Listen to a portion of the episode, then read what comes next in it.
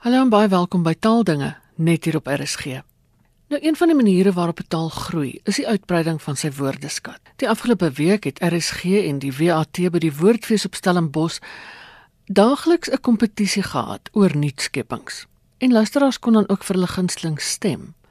Maar wat word van hierdie woorde? Ek het die taalkundige professor Gerard van Huisteen van die NWU gevra of 'n mens kan voorspel of nuutskeppings sal oorleef.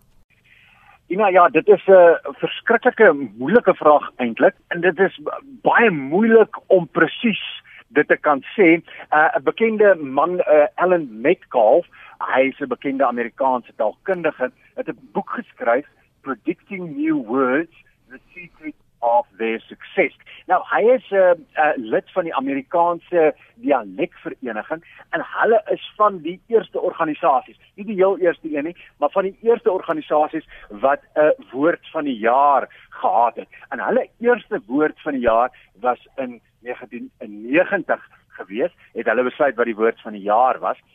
En toe reeds het hy wat Ellen Metcalf as taalkundige het hy begin vra, kan ons voorspel of hierdie woord uiteindelik gaan oorleef of nie. Nou nou Ina, die woord hulle woord van die jaar, ons praat net maar 'n bietjie tussen deur Engels en Afrikaans en so aan. Die woord van die jaar in 1990, dis een van die eerste uh, in die kategorie woord van die jaar was gewees bushlips. Nou kan jy vir my sê wat beteken bushlips of kan jy onthou wat beteken bushlips? Ja, ek kan nie onthou nie en ek kan nie eers probeer raai nie. Nee so Bushlips uh, in, in daai jaar nou George Bush wow. verwys wat gesê het read my lips no new taxes so uh Bushlips het verwys na onopregte politieke retoriek of so iets nê nee? so dit was in daai tyd was dit mm, vreeslik in die mode en so aan nou ja 20 jaar 30 jaar later weet niemand van ons meer wat bushlips is nie. Kom ek sê vir jou die 1991 uh, eh, woord van die jaar, so die jaar daarna, mother of all x.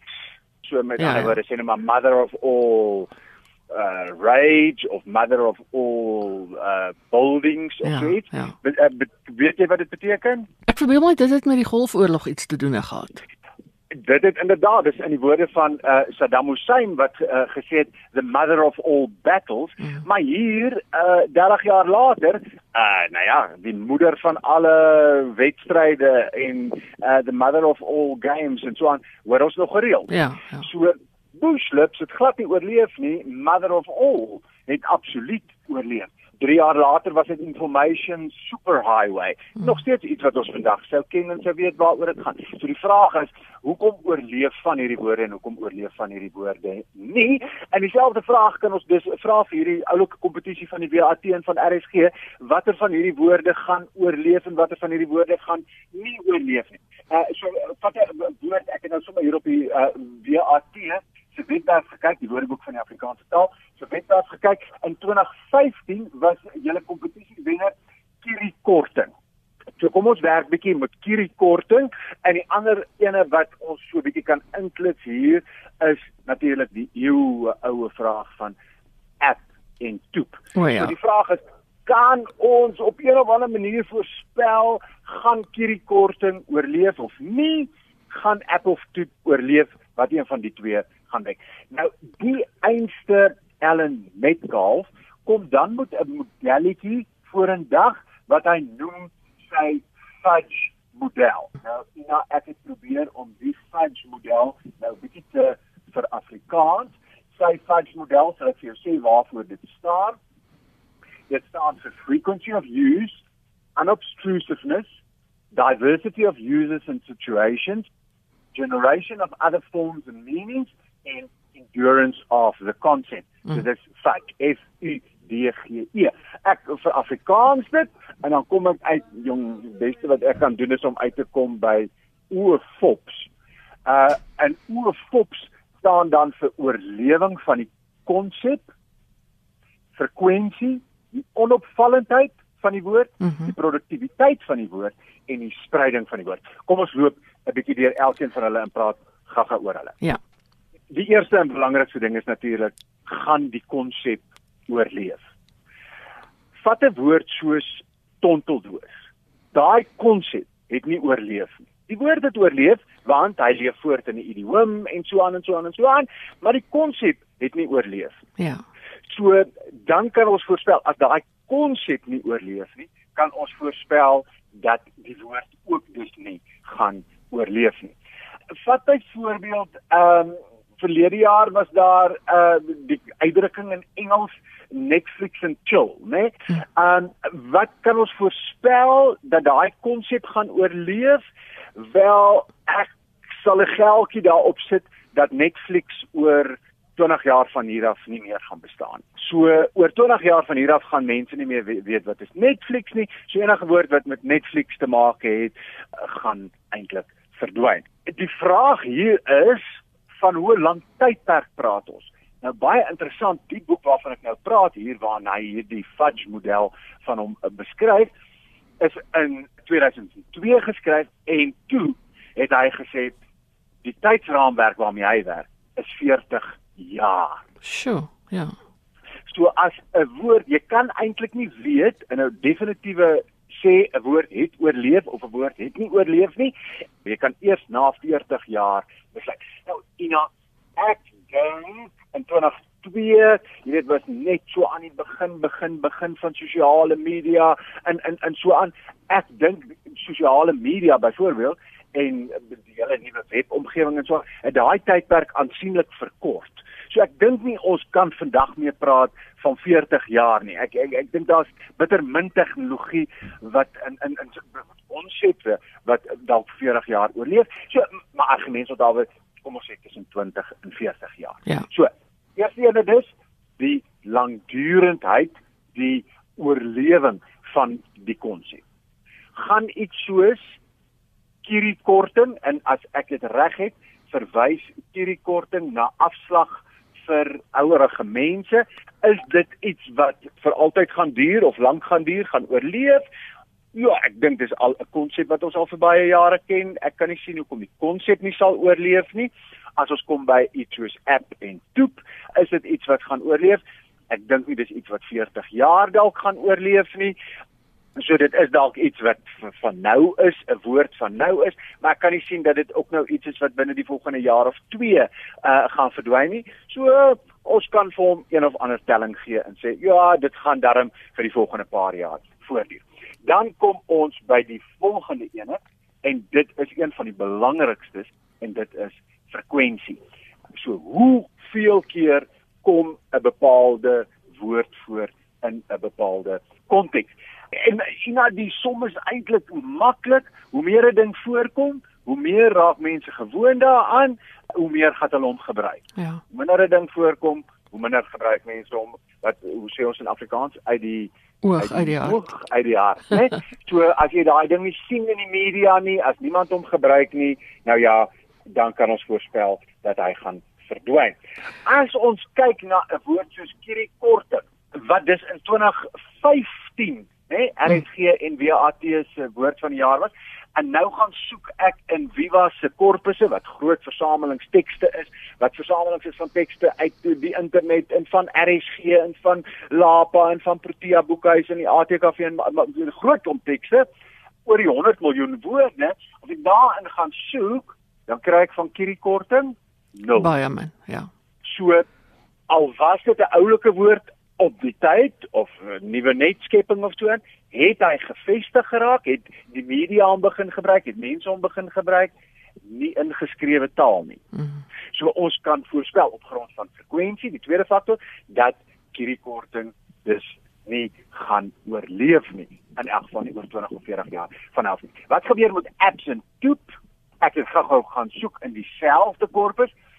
Interessant, ja, so ek soek vir toep en toeps en ek soek vir app en apps die enkelvoud en meervoud toep 187 keer app 1265 keer. Ja. So uh gewoon ordes grootte meer uh wat app voorkom as toep in geskrewe korpusse, nê? Nie net in informele teks nie, in geskrewe formele Afrikaans. So ons kan net op grond van frekwensie kan ons voorspel dat app waarskynlik langer gaan oorleef as toep. Goed, dis die tweede ene, frekwensie. Dan kom ons by die derde ene En dit Ina is 'n baie belangrike hè wat mense dikwels nie verstaan nie en dis onopvallendheid. Ja. So dis die oorfops van die oor die tweede oor is onopvallendheid. En hierdie jaar ek het gelees wat uh uh Dr Willem uh, Botha geskryf het in of RSG, ek weet nie wie van julle dit geskryf het nie, toe hulle nou oor die kompetisie hierdie jaar gepraat het, het spesifiek gesê vir my woorde nou of daar staan woorde hoef nie noodwendig alliterasie en assonansie te bevat uh om 'n suksesvolle woord te wees. Maar Ina, ek het nou sommer op julle webwerf gaan kyk, as jy nou klaar kyk wat die goed is wat uh mense inskryf. Kwaai kinders kwaad klitser, koel kiki, krag kassie, ketting kyk, né? Nee? Ja. Uh ek kyk hierso na die die 15 se woorde van hulle 'n draai braai, 'n bakkie brakkie, 'n emosie dosie, 'n foto snuik, gegil gras, glans gat. Hier's niks wat nie rym nie. Uh, Ja. Hier's lang arm sien ek nou, uh rym nie. En so maar mense dink as ek 'n nuwe woord moet skep, moet daar een of ander vorm van alliterasie, assonansie of een of ander vorm van rym wees. Nou, Ina, ons praat uh, dikwels van woorde moenie cutesy wees nie. Nee, Ja, hulle moenie ja. oulikies wees nie. Ja. Hierdie hierdie rymwoorde en so aan, niks daarmee fout nie. Ek kritiseer niemand en niks nie. Oulikies is kan enige iemand mee uh, vorendag kom. Is dit 'n woord wat gaan oorleef? Baie moeilik. Van die ander faktore moet dan so sterk wees, die frekwensie en die langdurendheid van die konsep en so, moet dan so sterk wees dat hierdie oulikiesheid van die woord kan oorleef daardeur. So ons kan maar weet wanneer 'n woord sulke rymelary het, kan ons amper voorspel dat so 'n woord dit nie gaan maak. Hoe meer onopvallend 'n woord is, hoe beter gaan die woord vaar. En dan laat ek ek wil net nog iets hieroor sê hier is twee uiterstes op hierdie uh ding van van die skepingswoorde.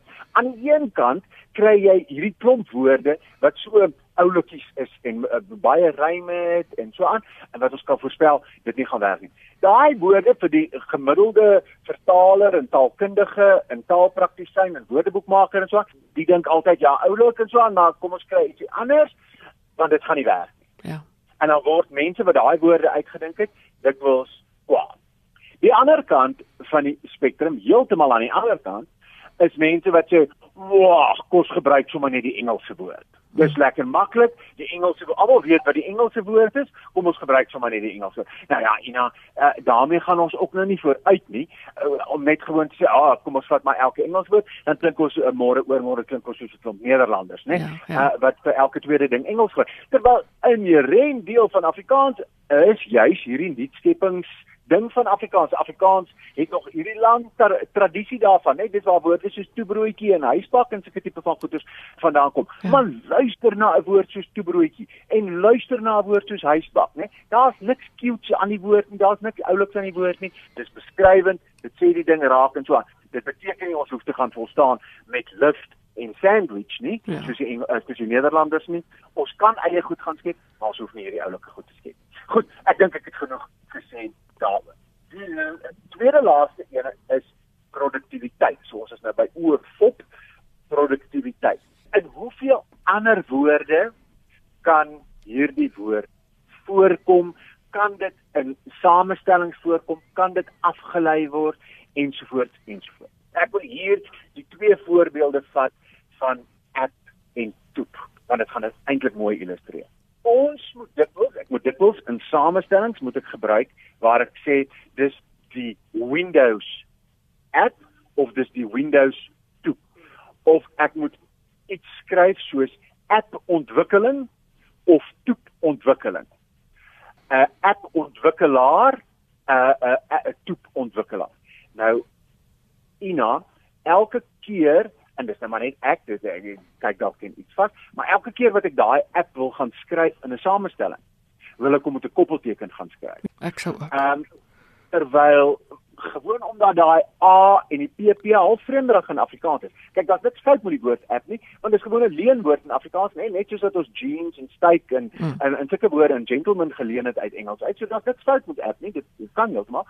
Maar hy is lyk vreemd in Afrikaans, net die a p p. Dit lyk net al vreemderig in Afrikaans. So die oomblik wat jy hom in 'n samestelling wil gaan skryf, die oomblik wat jy iets wil gaan skryf soos dis apperig argumentsonthaalwe, né? Hierdie ding is so half apperig, dan skryf hy moeilik. So hy's nie so produktief as wat jy kan gaan maak met iets soos 'n toepontwikkelaar, né? 'n ja. uh, Windows toep, uh, dis goed wat jy maklik gaan skryf sonder 'n koppelteken. Jy hoef nie vreeslik te dink daaroor nie. Dis toepagtig, dis né, nee, dit ja. gaan maklik met die ding. So die woord kan maklik in produktiewe omgewings kan hy maklik voorkom. Hoe meer produktiewe woord in ander omgewings kan voorkom, hoe meer makliker gaan hy waarskynlik oorleef. So terug net op grond van frekwensie het ons gesê iets soos app gaan makliker oorleef as wat toep gaan oorleef op grond van hierdie produktiwiteit kan ons voorspel dat toep waarskynlik makliker gaan oorleef as wat app gaan oorleef. Hm. Goed, sê nou maar iets soos kierie korting kan ons hom in vreeslik baie ander goed gebruik. Uh, ek sit nou sommer hier in my kop en breek maar ek ek, ek kan nie regtig dink jy weet hoe kierie korting agtig. Uh so jy kon sê kierie kort kortinglik uh, ek weet nie. Ja. ek kan nie aan samestellings dink waar hierdie ja. korting moet kom nie. En dit is dan waarskynlik een van die redes hoekom hy dan waarskynlik nou nie uh, so maklik gaan oorleef. En ina dan kom ons by die laaste ene en net so belangrik en dis die S vir staan vir spreiding. Dit gaan oor die, die verskeidenheid van gebruikers en situasies waarin jy 'n woord kan gebruik as ek 'n woord het so ag ek vat nou sommer iets simpels natrium dichloried nê nee? mm. jy weet nie wat dit is nie uh, uh dis nou 'n paar bleeksel chemie wat die woord gaan gebruik en dis net in hulle wetenskaplike tydskriffies en so wat hulle hom gebruik uh en daar gaan hy oorleef maar die res van die mense gaan nie hier elke dag uh by die spar kom en praat vir 'n uh, bietjie natrium dikloried of wat ook al nie. Dis so dan het hy 'n baie beperkte aantal gebruikers wat in 'n baie beperkte aantal situasies gebruik kan word. Dit maak van hom 'n tegniese term. Ja. Okay? En hy gaan oorleef want hy gaan in daai tegniese omgewing gaan al die tegniese mense gaan daardie term gebruik. Nou kom ons by 'n term soos kriekorting.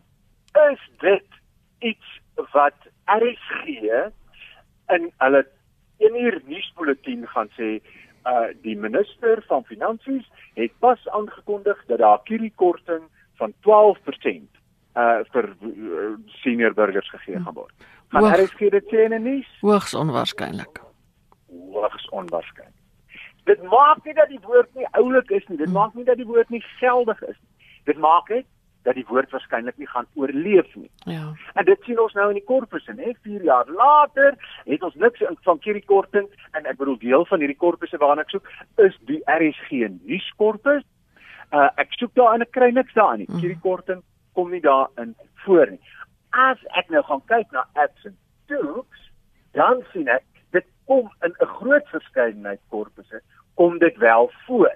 So toek byvoorbeeld in die RSG nuuskorpus een keer, app in die RSG nuuskorpus 12 keer. In Wikipedia kom toep 13 keer voor en in Wikipedia kom app 19 keer voor.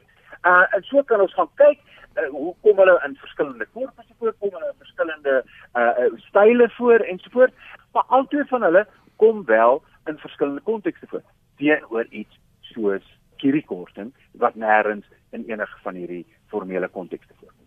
So op grond daarvan kan ons dan voorspel dat iets soos nou ja, app of toep, daar's 'n waarskynlikheid dat albei van hulle gaan oorleef terwyl kieriekorting nie gaan oorleef. Okay. So Ina, hierdie is dan nou vyf faktore en nou in elkeen van hulle kan jy dan nou 'n telling gaan gee van 0, 1 of 2, uh en dan as jy 'n woord het wat 10 uit 10 kry, dan kan jy voorspel hierdie woord gaan uh oorleef en een wat 1 of 2 of 3 of 4 uh uit 10 uit kry, kan jy voorspel hierdie woord gaan waarskynlik nie oorleef nie. En op hierdie manier, is 'n eenvoudige modelletjie, kan ons wel op 'n manier voorspel of nietskeppings gaan oorleef of nie. Ek dink aan 'n woord soos staatskaping wat ook tog 'n nietskepping is. Hy sou waarskynlik as ek nou so vinnig kyk na al hierdie ehm um, faktore, hy sou waarskynlik 'n rukkie kon oorleef.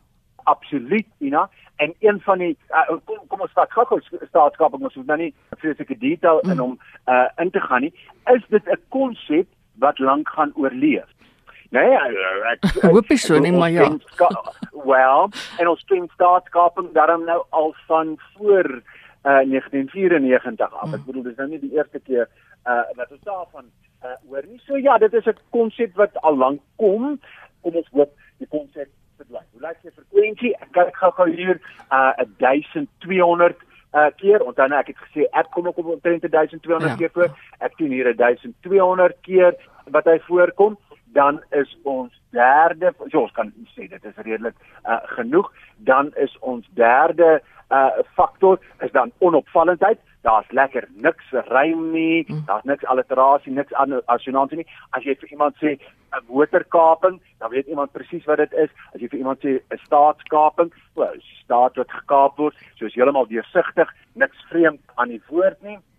Uh, staatskapings uh staatskaping ondersoek, uh staatskaping teen maatreëls hm. en so aan. Hy kan lekker in baie ander woorde voorkom in die produktiwiteit ene en dan in sy distribusie. As ek gou-gou in hierdie korpusse kyk, uh in RSG nuuskorpus 625 keer, in die Marula Media korpus 570 570 keer en so aan. So jy kan duidelik sien dis iets wat algemeen in 'n verskeidenheid van nuusbronne voorkom. Dit is nie net in RSG byvoorbeeld nie, maar reeds 'n verskeidenheid van nuusbronne.